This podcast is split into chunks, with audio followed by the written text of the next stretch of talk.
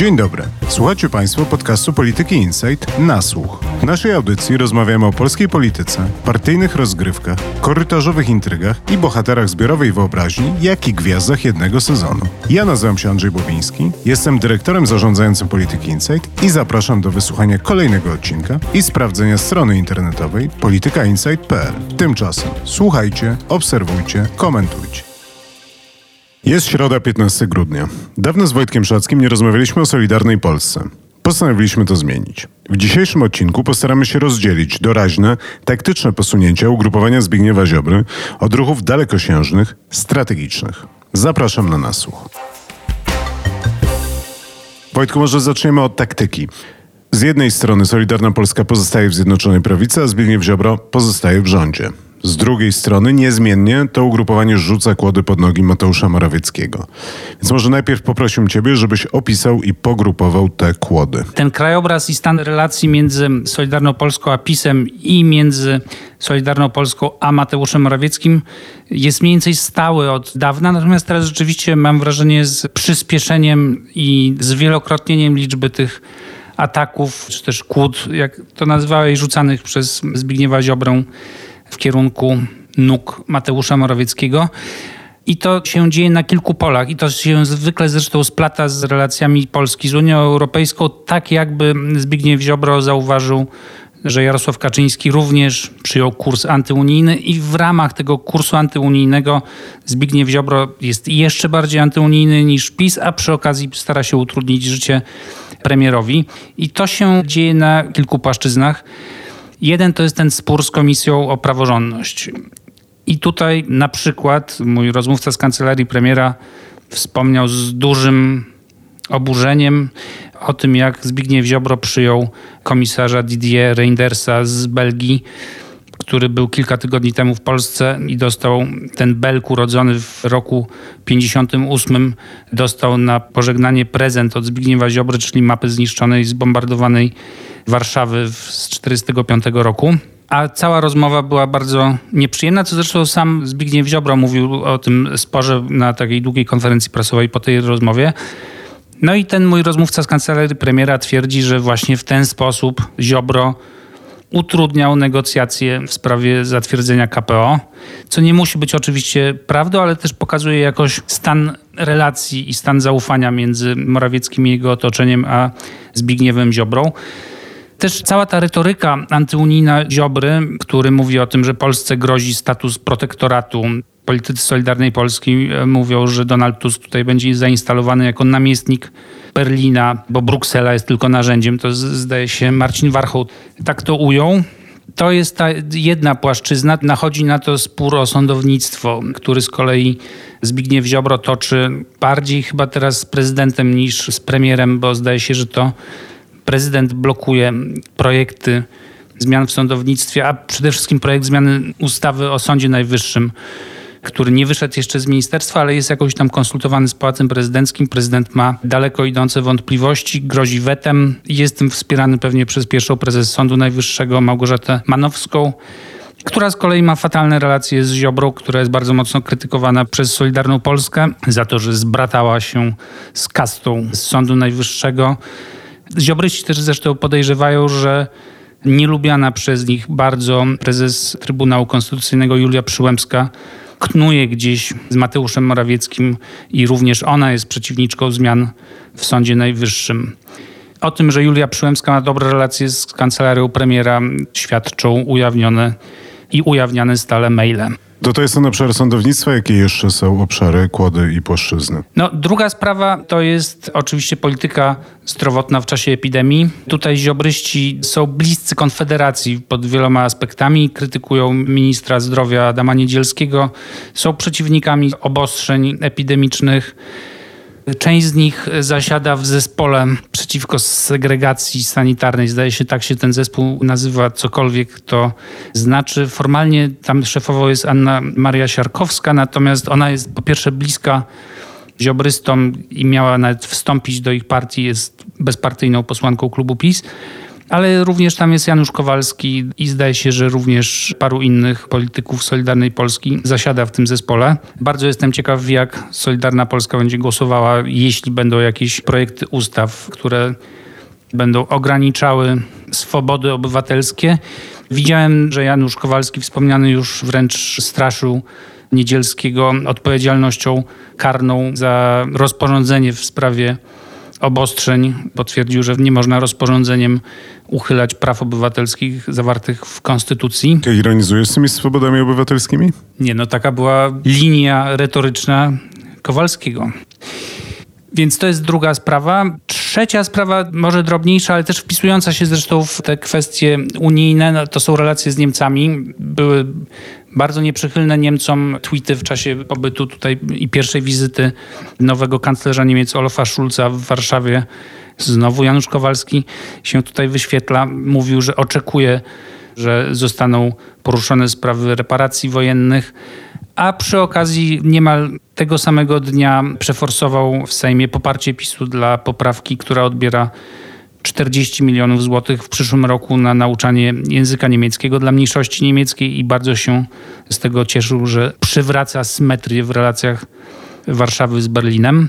I jest jeszcze jedna rzecz, taka kłoda z tego tygodnia, i znowu tutaj to jest na przecięciu relacji z premierem i z Unią Europejską, czyli Sejm podjął uchwałę, która formalnie wspiera rząd w dążeniach do reformy europejskiego systemu handlem emisjami CO2 lub poparcie dla wyjścia Polski z tego systemu, jeśli nie uda się go zreformować, z uzasadnieniem takim, że działania w obszarze polityki klimatycznej Unii Europejskiej sprawiają, że w Polsce jest bardzo droga energia, że będzie jeszcze droższa że cena emisji wzrosła niebotycznie w ciągu ostatnich kilku lat. I wydawałoby się, że to jest taki miły gest wsparcia dla Mateusza Morawieckiego. Tymczasem jak się trochę poskrobie i porozmawia z, z ziobrystami, no to widać, że chodzi tutaj trochę o coś innego, a mianowicie oni są przekonani, że Mateusz Morawiecki na posiedzeniu Rady Europejskiej, która będzie pod koniec tego tygodnia, nie zdoła zrealizować żadnego z celów postawionych przed nim w tej uchwale i będzie go można wtedy krytykować za kolejne ustępstwa wobec Brukseli i za brak skuteczności. Czyli tutaj tak się ładnie zbiega niechęć do Unii Europejskiej z niechęcią do premiera. Zanim przejdziemy dalej, jeszcze chciałem Ciebie zapytać o to, na ile ta mikroofensywa ziobrystów to jest jakaś zmiana, w sensie na ile to jest tak, że to jest po prostu nasilenie postaw antymorawieckich i antyunijnych w partii Zbigniewa Ziobry i to jest coś, nad czym możemy de facto przejść do porządku, to znaczy uznać, że tak jest i tak będzie. Zbigniew Ziobro, Janusz Kowalski będą atakowali rząd, Unię i premiera, ale nic się nie zmieni. Czy to jest tak, że ta ofensywa prowadzi do jakiejś większej bitwy, czy tutaj czemuś to wszystko służy? To znaczy, czy to jest takie po prostu ciągłe podgryzanie, czy próba ugrania czegoś większego? No, zetknąłem się z dwiema hipotezami, które to tłumaczą. Pierwsza jest taka, że ziobryści poczuli po prostu, że premier jest słaby, więc na niego wskoczyli. Wyczuli też, że ten kurs antyunijny, eurosceptyczny zaczyna dominować w PiS, więc się pod niego podłączyli i są jeszcze bardziej wyraziści. Więc to jest jedno wytłumaczenie, które jakoś do mnie przemawia i jego jakby dalszym rozwinięciem jest konstatacja, że będzie dalej tak samo, tylko ewentualnie ciut bardziej. Może, nie wiem, Zbigniew Ziobro udzieli jeszcze dwóch wywiadów, potem zostanie wezwany na Nowogrodzką i przywołany do porządku, więc będzie trochę spokoju, ale że zasadniczo będzie tak jak teraz lub w troszkę mniejszym nasileniu albo w troszkę większym nasileniu, ale żadnych gwałtownych ruchów. Druga hipoteza tutaj z kancelarii premiera zresztą płynąca jest taka, że Zbigniew Ziobro przestraszył się, gdy Waldemar Pawlak został przewodniczącym Rady Naczelnej PSL-u. Uznał, że być może jest to wstęp do podmiany koalicjanta i w związku z tym postanowił przyspieszyć budowę takiej odrębności i własnej tożsamości Solidarnej Polski. Przy czym ja niespecjalnie wierzę w tę hipotezę, również nie bardzo wierzę w koalicję PiSu z PSL-em. Na ile twoim zdaniem Zbigniew Ziobro jest decyzyjny? To znaczy na ile tak naprawdę Janusz Kowalski jest narzędziem w rękach Zbigniewa Ziobry, a na ile jest takim wyrazicielem postaw najbardziej radykalnych tej frakcji, najbardziej radykalnej wewnątrz Solidarnej Polski i Zbigniew Ziobro musi stać za tym w ramach utrzymania spoistości swojej partii i swojego obozu politycznego, a na ile to jest tak, że on sam tego Kowalskiego podkręca i namawia go do tego, żeby cały czas kopać, kąsać i sprzedawać te kuksańce. No ja myślę, że Ziobrze wygodniej jest tłumaczyć PiSowi, że słuchajcie, no ja jestem bardziej racjonalny, a tutaj mam takiego jednego radykała. Proszę nie przywiązujcie specjalnie wagi do tego, co on mówi. Ja tak wcale nie myślę, ale myślę, że raczej jest tak, że jednak Zbigniew Ziobro panuje nad swoją partią i gdyby chciał, to wciąż mógłby tego Janusza Kowalskiego uciszyć. Kowalski zresztą długo uchodził za człowieka Patryka Jakiego, czyli człowieka numer dwa pod względem znaczenia politycznego w Solidarnej Polsce. Teraz podobno, jak przynajmniej twierdzą ziobryści, Kowalski się trochę uniezależnił i działa na własny rachunek.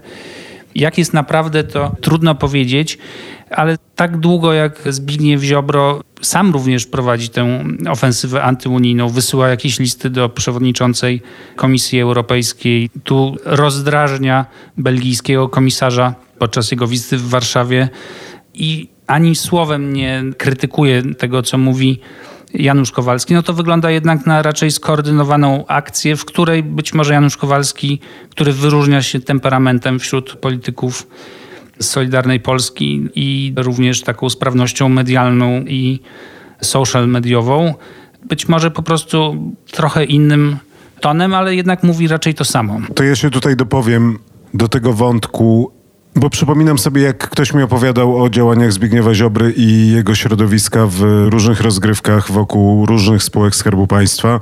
I ta osoba opowiadała mi, że Zbigniew Ziobro, jak całe to ugrupowanie ma to wpisane w takie swoje polityczne DNA, że tylko i wyłącznie potrafią nacierać. W sensie, że to jest taka formacja, która cały czas, niezależnie od tego, co by się nie działo, jest w ofensywie, co dezorientuje przeciwnika i utrudnia jakiekolwiek działania, bo gdzie nie spojrzy i w jakimkolwiek momencie nie jest, to cały czas jest ostrzeliwany przez Ziobrę i jego ludzi. Ziobro cały czas musi być w natarciu i w momencie, kiedy nie jest, to on trochę gubi rezon i sam nie wie, co ma robić i czym się ma zajmować. I to się chyba wpisuje bardziej w tą pierwszą hipotezę. No ale to jest też trochę tak, że my tu mówimy o ofensywie Ziobry, ale być może to jest kontrofensywa, być może to jest defensywa i trudno nawet tutaj mi rozstrzygnąć, czy to, co robi teraz Zbigniew Ziobro wynika z jego słabości, czy z jego siły bo wcale nie jest powiedziane, że Zbigniew Ziobro teraz jest jakiś super mocny, nawet po tym zwrocie Nowogrodzkiej w stronę radykalizmu i w prawą stronę i w momencie osłabienia też wyraźnego Mateusza Morawieckiego, niekoniecznie jest tak, że to Ziobro będzie głównym beneficjentem. I Ziobro niewątpliwie korzysta na tym, że ma dostęp do mediów, że ma bardzo sprawną ekipę w mediach społecznościowych, na Twitterze, na Facebooku, że oni to czują, więc oni są siłą rzeczy widoczni. Natomiast ja myślę, że część z tych ruchów to są też ruchy obronne i sam Ziobro przyjął pewnie sporo ciosów, czy to od marszałka Terleckiego, czy od Mateusza Morawieckiego, więc my rozmawiamy tutaj o atakach retorycznych i politycznych Ziobry, no ale pamiętajmy o tym szerszym kontekście. No dobrze, to teraz właśnie chciałem przejść do tego szerszego kontekstu i zadać Ci pytanie, które pewnie wiele osób sobie zadaje, to znaczy w co gra Ziobro? Czyli czy za tymi działaniami i za tym niekończącym się krzykiem i jazgotem ze strony Solidarnej Polski stoi jakiś długofalowy plan, a jeżeli tak, to jaki? No można chyba tutaj mówić o kilku perspektywach, czyli tej powiedzmy kilkumiesięcznej, a może nawet sięgającej końca tej kadencji. I wydaje mi się, że tutaj celem Zbigniewa Ziobry jest utrzymanie sojuszu z PiSem, maksymalne osłabienie Mateusza Morawieckiego równoczesne, przy braku jego obalenia, ponieważ ziobryści wiedzą, że to się raczej nie wydarzy, a na pewno nie ich rękami i nie ich siłami, bo są na to za słabi. I wywalczenie miejsc na listach wyborczych prawicy czy też PiSu w 2023. To jest ten cel średnioterminowy. No dobrze, ale to przekładając to, co mówiłeś, czyli te działania na te cele średnioterminowe, to tak rzeczywiście grają do osłabienia Mateusza Morawieckiego, ale czy to jest coś, co wzmacnia sojusz z PiS oraz uprawdopodobnia ich obecność na listach wyborczych w 2023, jeżeli wtedy odbędą się wybory, no to to już podałbym pod pewną wątpliwość. No Zbigniew Ziobro wie, a przynajmniej w 90 pewnie procentach jest przekonany, że PiS bez niego nie może rządzić. Że po prostu po rozpadzie ewentualnym koalicji rząd przetrwałby bardzo krótko, że on, Ziobro, by stracił pewnie na tym najwięcej, ale i PiS wyszedłby z tego bardzo osłabiony. Więc sądzę, że Zbigniew Ziobro wie, że może się posunąć całkiem daleko i nawet jeśli politycy PiSu i to nie tylko z otoczenia Mateusza Morawieckiego, ale takiego PiSu PiSu wiedzą i widzą, że Zbigniew Ziobro trochę im szkodzi, to muszą to przez przynajmniej jakiś czas zaakceptować. No dobrze, to to jest ta perspektywa kilkumiesięczna, czy do końca kadencji, a jaki jest długofalowy plan Zbigniewa Ziobry i jak te działania, które obserwujemy na co dzień, wpisują się w ten długofalowy plan? No sądzę, że jest to plan wynikający z przeświadczenia, że Zjednoczona Prawica jednak jest na wyczerpaniu, że być może uda się jeszcze w 2023 roku stworzyć wspólne listy, wspólnie wejść do Sejmu i być może nawet obronić jeszcze władzę ale że potem to się jednak rozpadnie i potem powstanie jakaś nowa formacja, czy też kilka nowych formacji, gdy zabraknie Jarosława Kaczyńskiego w bieżącej przynajmniej polityce. Cały ten twór prawicowy musi się rozpaść, bo tam nie chodzi tylko o konflikty personalne, trochę już o tym rozmawialiśmy, ale również o po prostu różnice programowe nie dające się pogodzić. Tutaj ziobryści inwestują od jakiegoś czasu w temat właśnie relacji z Unią Europejską, przede wszystkim jeśli chodzi o politykę klimatyczną, której upatrują źródła swoich przyszłych sukcesów, to znaczy będą chcieli zagospodarować frustrację i gniew Polaków, którzy będą płacili bardzo wysokie rachunki za energię i będą wtedy ziobryści mogli powiedzieć, że oni od początku mieli rację, a nie PiS. Dorzucą do tego pewnie jakiś element obrony węgla, wrzucą na swoje sztandary kwestie sądów, których im PiS nie pozwolił z prezydentem zreformować. Być może wciągną na sztandary również polexit. No nie polexit, tylko referendum. Tak, no referendum. Janusz Kowalski mówił z sympatią o tym pomyśle. I że w ten sposób oni staną się partią zdolną do samodzielnego życia, a jeśli nawet nie do samodzielnego życia, no to pewnie PiS również w tych turbulencjach po odejściu, po emeryturze Jarosława Kaczyńskiego straci część polityków i tam pewnie Zbigniew Ziobro jako twórca już sporego środowiska z dostępem do mediów, z jakąś tożsamością mógłby łowić swobodnie.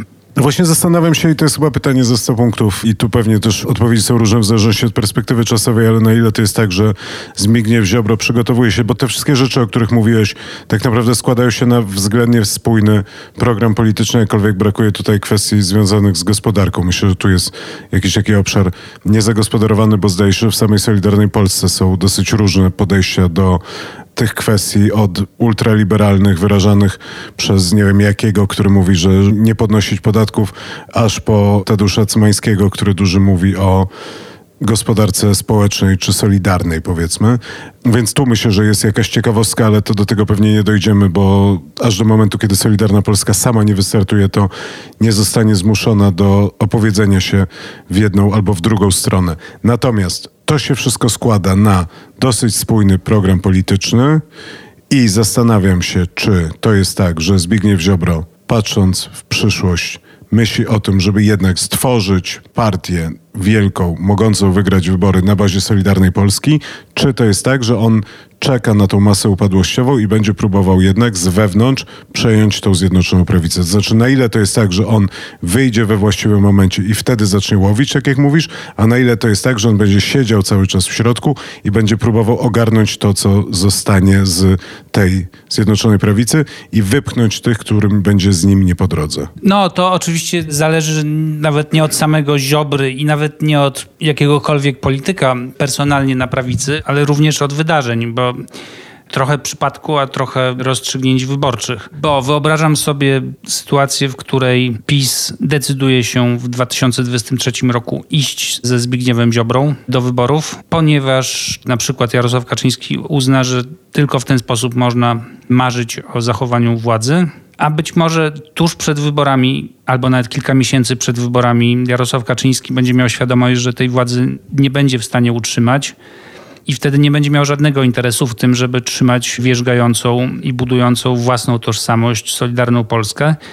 No i wtedy po prostu wytnie ludzi Solidarnej Polski z list i być może to w ogóle by zakończyło byt Solidarnej Polski. Dlatego myślę, że Zbigniew Ziobro będzie bardzo chciał, żeby jego ludzie znaleźli się na tych listach pisowskich przyszłych. Natomiast nie wiem, czy tak będzie. I druga sprawa, no to nie wiadomo, jak te wybory się potoczą. Ilu tych kandydatów Solidarnej Polski wejdzie, ilu posłów PiSu będzie w przyszłym Sejmie, bo jeśli to towarzystwo zdobędzie ponownie władzę, no to pewnie te wszystkie procesy upadłościowe i secesyjne zostaną znowu odłożone na później, no bo będzie nowe otwarcie, nowy podział łupów i te przywileje władzy znowu będą sklejały to środowisko. Natomiast jeśli po pierwsze Kaczyński będzie miał sondaże przez kilka miesięcy przed wyborami, które będą mu dawały 28-27%, to nie wierzę, że Zbigniew Ziobro przetrwa a na pewno nie przetrwa z 20 posłami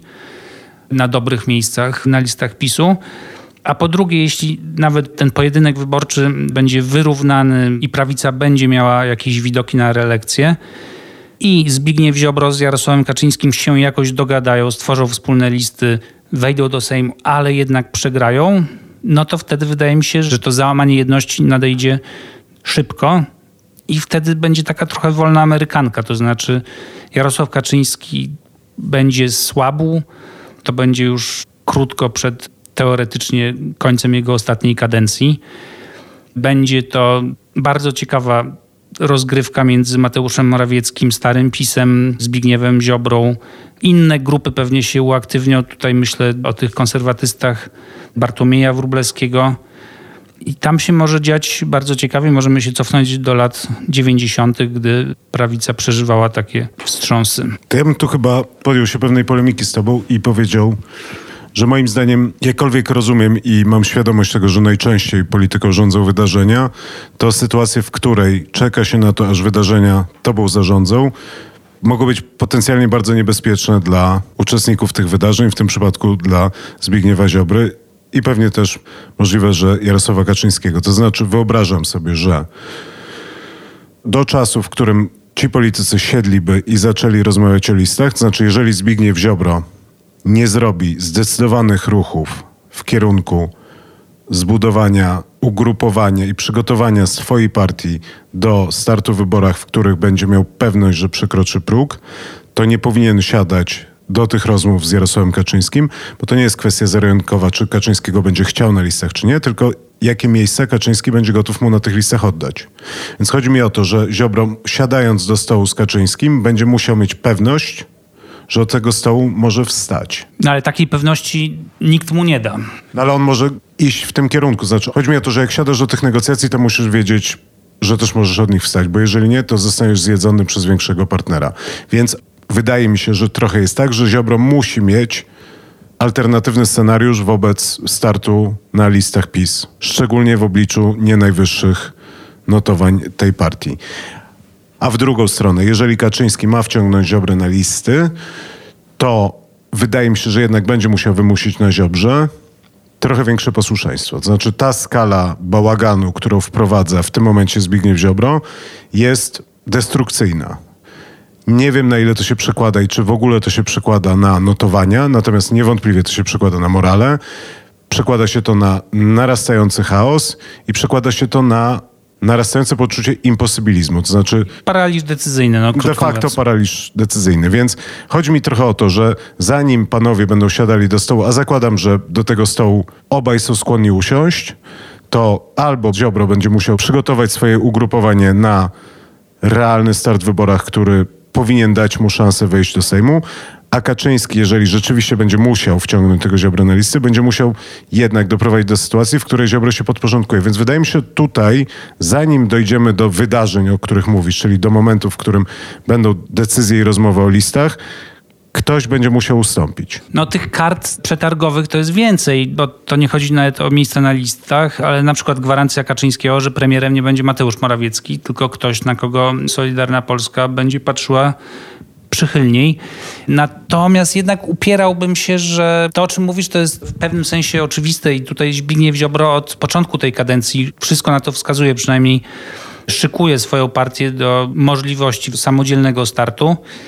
Natomiast tutaj myślę, że ten czynnik sondażowy będzie odgrywał decydującą rolę, a być może nawet jedyną rolę. I to wynika nie tylko z tego, że ktoś będzie patrzył na słupki, ale również z nacisku PiSu na Jarosława Kaczyńskiego. Jeśli PiS będzie się czuł zagrożony, jeśli posłowie PiSu będą gremialnie mieli poczucie, że zaraz stracą mandat, a jeszcze tutaj w każdym okręgu będzie jeden wygłodniały ziobrysta, który będzie jedynym ziobrystą w tym okręgu i będzie kradł głosy, no to wszyscy w PiSie przyjdą do Jarosława Kaczyńskiego i mówią, no, że ze Zbigniewem no, to się fajnie współpracowało, ale teraz chodzi o to, żebyśmy my dostali się do Sejmu, a nie tutaj przegrywali z ziobrystami, którzy są młodsi, dynamiczniejsi, przebijają się w mediach.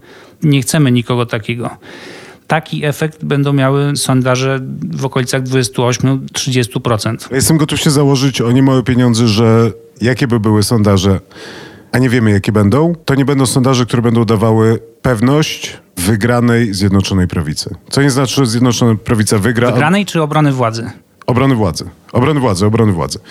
Więc moim zdaniem ta niepewność jest elementem tego procesu. I teraz to, co staram się powiedzieć i będę się tego trzymał jak pijany płotu, że jeżeli ci dwaj panowie, Jarosław Kaczyński i Zbigniew Ziobro, w tej atmosferze, jeżeli tu nie dokona się jakiś przełom, usiądą razem do tego stołu, to to się zakończy katastrofą dla Zjednoczonej Prawicy. A mówię to na podstawie tych wszystkich negocjacji, kolejnych rekonstrukcji rządu, które mamy mniej więcej co rok.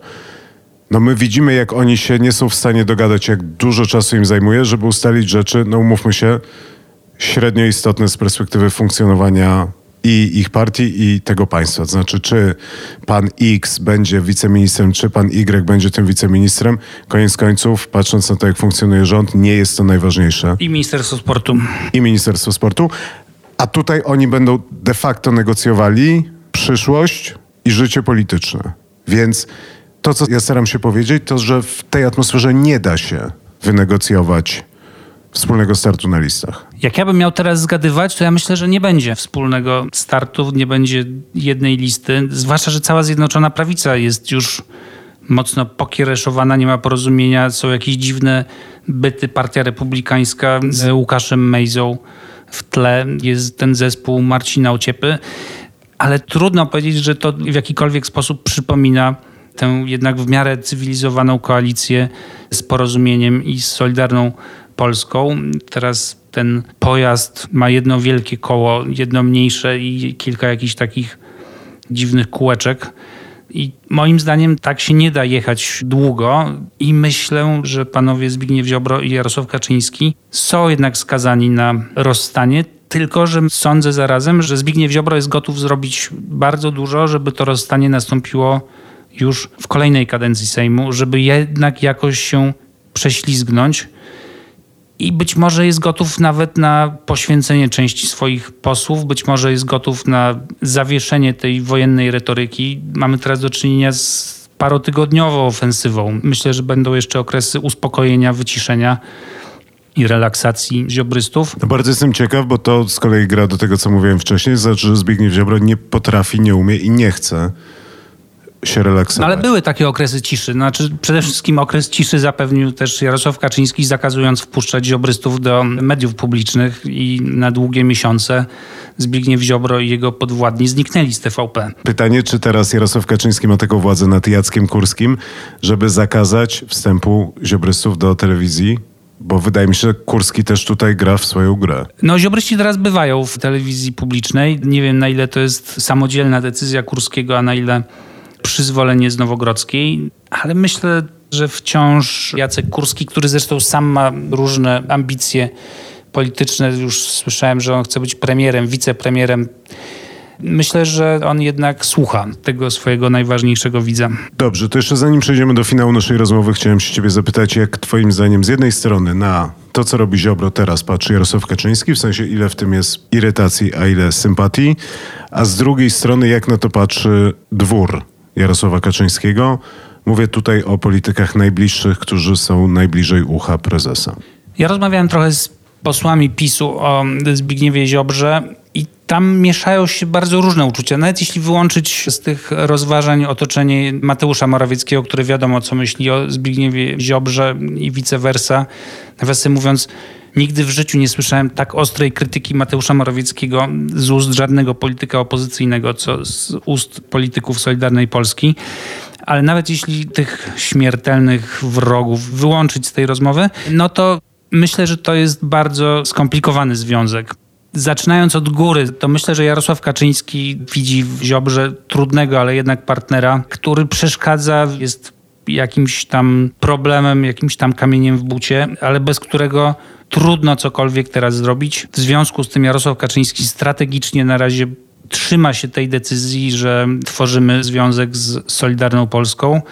Godzimy się na to, że od czasu do czasu ten partner będzie robił różne brzydkie rzeczy albo bił któreś z naszych dzieci, w tym przypadku Mateusza, ale nie będzie bił za mocno. Od czasu do czasu mu się albo coś da w jakiejś spółce Skarbu Państwa, albo coś zabierze, żeby go postraszyć. Jak będzie za bardzo brykał, to się wyśle marszałka Terleckiego, żeby powiedział coś nieprzyjemnego w TVN o ziobrystach albo na przykład jak w zeszłym roku zdymisjonuje jakiegoś wiceministra, a teraz z kolei da im się dwóch wiceministrów w rolnictwie czy w Ministerstwie Aktywów Państwowych, a jak zaczną być bardziej agresywni retorycznie, no to można im zabrać jakiegoś wiceministra i tak będzie w kółko, natomiast strategicznie Jarosław Kaczyński wciąż uważa, że ten sojusz się opłaca, że bez niego nie będzie rządów. Koalicja na razie trwa. Piętro niżej pewnie ci różni powiedzmy wiceprezesi i ministrowie ze starego PiSu, no, nie są jakoś specjalnie ziobrystowscy. Oni patrzą z niechęcią albo z brakiem zaufania na Ziobrę, natomiast są w stanie tworzyć z nim jakieś tam przelotne znajomości, krótkotrwałe sojusze taktyczne w celu na przykład osłabienia Mateusza Morawieckiego. Też różni posłowie PiSu wspierają ziobrystów. Na przykład ta uchwała, o której mówiłem w sprawie handlu emisjami, no to jej sprawozdawcą był Janusz Kowalski, ale podpisali się pod nią wyłącznie politycy PiSu, a nie Solidarnej Polski, więc jest w stanie Solidarna Polska zebrać, oczywiście za przyzwoleniem pewnie Kaczyńskiego, jest w stanie zachęcić do współpracy posłów PiSu. Posłowie PiSu też bywają w jakichś tam sojuszach sejmowych, w zespołach parlamentarnych z ziobrystami. Te środowiska się przeplatają. Natomiast taki przeciętny pewnie działacz PiSu, no to nie jest specjalnie zachwycony tym, że działacz Solidarnej Polski będzie na tej samej liście co on, czy to w wyborach do Sejmu, czy to w wyborach do Sejmiku, czy w wyborach na, nie wiem, wójta, burmistrza, czy prezydenta miasta. Wszędzie tam, gdzie jest jakaś konkurencja, no to pewnie włączają się różne mechanizmy obronne i tutaj wielkiej przyjaźni nie ma. Znaczy, krótko mówiąc, myślę, że w PiSie jest świadomość tego, że Ziobro to jest środowisko odrębne, obce, niegodne zaufania i być może przyklejone tylko na chwilę do PiSu, z tym, że niektórzy umieją wykorzystywać to do własnych celów, do tworzenia właśnie takich taktycznych sojuszów z ziobrystami, a inni się do tego nie palą. No dobrze, to podsumowując, zanim zadam Ci ostatnie pytanie, ja, ja bym teraz po pewnym namyśle uznał, że Jarosławowi Kaczyńskiemu tak naprawdę opłaca się dociągnąć i przeciągnąć tą sytuację aż do momentu, kiedy usiądzie i będzie pisał czy tworzył listy wyborcze i koniec końców to on ma zdecydowanie silniejszą rękę, no bo to jest ten moment, w którym on będzie decydował o tym, mniej więcej ilu posłów Zbigniew Ziobro wprowadzi do Sejmu na kolejną czteroletnią prawdopodobnie kadencję. Zbigniew Ziobro moim zdaniem nie może sobie pozwolić na to, żeby przychodzić do tego stołu słabym, bez możliwości odejścia od niego, więc albo będzie musiał dodatkowo eskalować doprowadzając do sytuacji, w której będzie realnym zagrożeniem dla Jarosława Kaczyńskiego i wtedy pytanie, jak się Kaczyński zachowa, albo w drugą stronę będzie musiał przyjść do Kaczyńskiego, posypać głowę popiołem i obiecać, że przestanie brykać, tudzież będzie brykał w takim wymiarze, w jakim Kaczyński mu pozwoli. Znaczy, my niekoniecznie to zauważymy. Możliwe, że to brykanie będzie nadal się działo, ale będzie to brykanie koncesjonowane. I to jest jedyna szansa dla Ziobry, to znaczy oni, zanim w ogóle dojdzie do mowy o tych listach, zawrą długotrwały sojusz przedwyborczy. I to się musi wydarzyć tak naprawdę na mojego nosa teraz. Wejdę ci słowo. Zainspirowałeś mnie tym koncesjonowanym brykaniem. No to już się o tyle dzieje, że Solidarna Polska dostała nieformalną, czy też bardziej formalną zgodę na tę retorykę antyunijną od Kaczyńskiego, bo to jakoś pozwala zagospodarować elektorat również antyunijny. PiS się nie zużywa na tym, ponieważ jego politycy powiedzieli, my jesteśmy przeciwko polexitowi, członkostwo w Unii to jest racja stanu i porzucili tę najostrzejszą retorykę antyunijną, której spróbowali przez parę dni zaledwie i to się skończyło dużym szumem i dużą awanturą. Natomiast Solidarna Polska tutaj może sobie mówić w zasadzie co chce o polexicie, potem Oczywiście jakiś polityk PiSu powie, że Janusz Kowalski może sobie referendum organizować w swoim domu, ale Solidarna Polska się na tym buduje, ale też jakoś odpycha od Konfederacji pewnie część wyborców i jakoś tam to służy PiSowi. Ostatnie moje pytanie na koniec. Zakładając jednak scenariusz, w którym panowie się nie dogadują, Zbigniew Ziobro postanawia iść sam do wyborów, sam, to znaczy na czele Solidarnej Polski, to jak oceniasz jego potencjał wyborczy? Na jaki procent głosów mógłby liczyć Zbigniew Ziobro i Solidarna Polska, jakby wybory powiedzmy odbywały się teraz na wiosnę? To jest strasznie trudne pytanie, bo te nieliczne sondaże, które badają poparcie dla Solidarnej Polski jako osobnego odpisu bytu, dają 2-3%, czasem jeden, był zdaje się jeden, gdzie Solidarna Polska gdzieś się tam ocierała o próg wyborczy raczej od dołu niż od góry. Więc pierwsza uwaga, że według sondaży obecnych Solidarna Polska nie miałaby szans na przekroczenie progu wejście do Sejmu i miałaby nawet być może kłopot uzyskaniem subwencji, które przysługują partiom, które mają co najmniej 3%. Jest tak prawdopodobnie dlatego po części, że dla wyborców Zjednoczonej Prawicy niekoniecznie jest oczywiste, że Solidarna Polska jest osobną partią, więc trudno im powiązać z szyldem nazwisko Zbigniewa Ziobry, Patryka Jakiego. Świadomość tego, że to są politycy innej partii niż PiS nie jest powszechna. To znaczy nam się może wydawać, że jest to powszechne, oczywiste, ale wśród osób, które się niespecjalnie interesują polityką, nie śledzą doniesień, ta wiedza nie jest powszechna i dopiero w kampanii byśmy się dowiedzieli, jak ten elektorat by się podzielił. Jakąś namiastką tego, jakąś namiastkę tego widzieliśmy w wyborach przedterminowych prezydenta Rzeszowa w czerwcu, gdy wystartował kandydat Solidarnej Polski Marcin Warchoł przeciwko kandydatce PiSu. Oboje te wybory przegrali, ale kandydatka PiSu Ewa Leniart miała ponad dwa razy lepszy wynik, miała 23%, Marcin Warchoł miał około 10%. Ale co ciekawe, on tam wystartował jako kandydat niezależny z poparciem poprzedniego prezydenta, który się wywodził z SLD. Tadeusza Ferenca i wystąpił manifestacyjnie z Solidarnej Polski na czas kampanii i nie afiszował się tym szyldem. Więc to też nie dało odpowiedzi na pytanie, jaka jest skala poparcia w razie jakiegoś rozłamu w warunkach walki kampanijnej.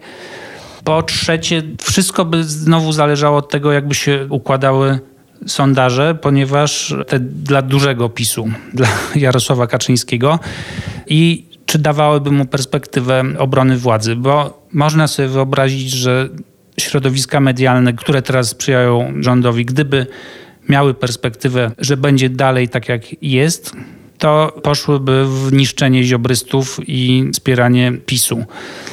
Gdyby było oczywiste dla wszystkich, na przykład na 3-4 miesiące przed wyborami, że nic z tego już nie będzie, że ta prawica w tym momencie dogorywa jako partia władzy i że zacznie się budowa wszystkiego od nowa, no to być może część tych środowisk typu Radio Maryja, typu imperium, jeśli można tak nazwać, medialne Grzegorza Biereckiego, że tam jednak ta sympatia dla Zbigniewa Ziobry by się jakoś uzewnętrzniła, bo widzieliby w tym jakąś inwestycję w przyszłość. Nie mam wątpliwości, że Jacek Kurski by raczej wycinał ziobrystów.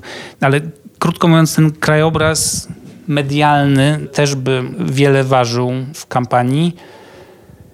Więc suma summarum myślę, że Ziobro, nawet gdyby wystartował sam, to te 3% by zgarnął. Czy by zgarnął 5%? Trudno powiedzieć. On pewnie by też zachęcił i zaprosił na swoje listy różnych polityków PiSu, którzy by się na tych listach nie znaleźli. Jarosław Kaczyński co 4 lata dokonuje pewnego płodozmianu.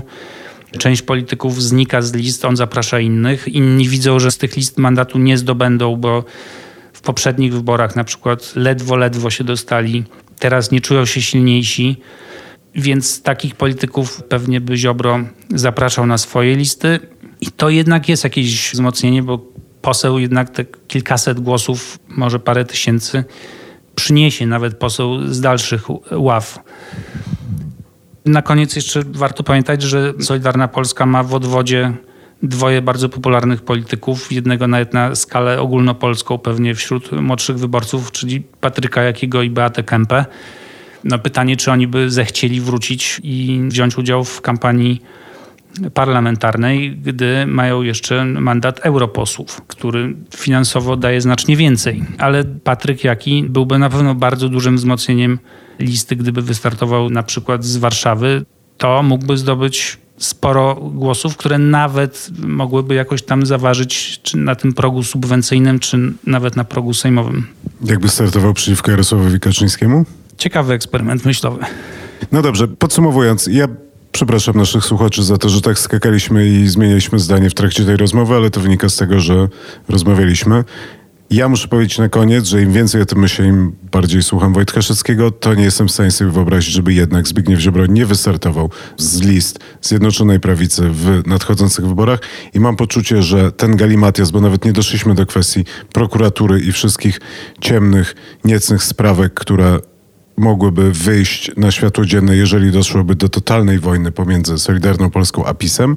Więc im więcej o tym myślę, tym bardziej dochodzę do wniosku, że mimo tych wszystkich uwarunkowań i mimo tego koszmarnego bałaganu, o którym rozmawialiśmy, to Jarosław Kaczyński i Zbigniew Ziobro w perspektywie najbliższych dwóch lat są na siebie skazani i w pewnym momencie będzie musiał zapanować jakiś zdrowy rozsądek w relacjach pomiędzy tymi dwoma politykami, bo jeżeli nie, to obaj ci politycy mają potencjał, żeby pociągnąć siebie nawzajem na dno. A ja nie jestem przekonany, ale ty masz czas na myślenie, kiedy ja mówię, więc masz znacznie łatwiej. Dzięki za rozmowę. Dzięki.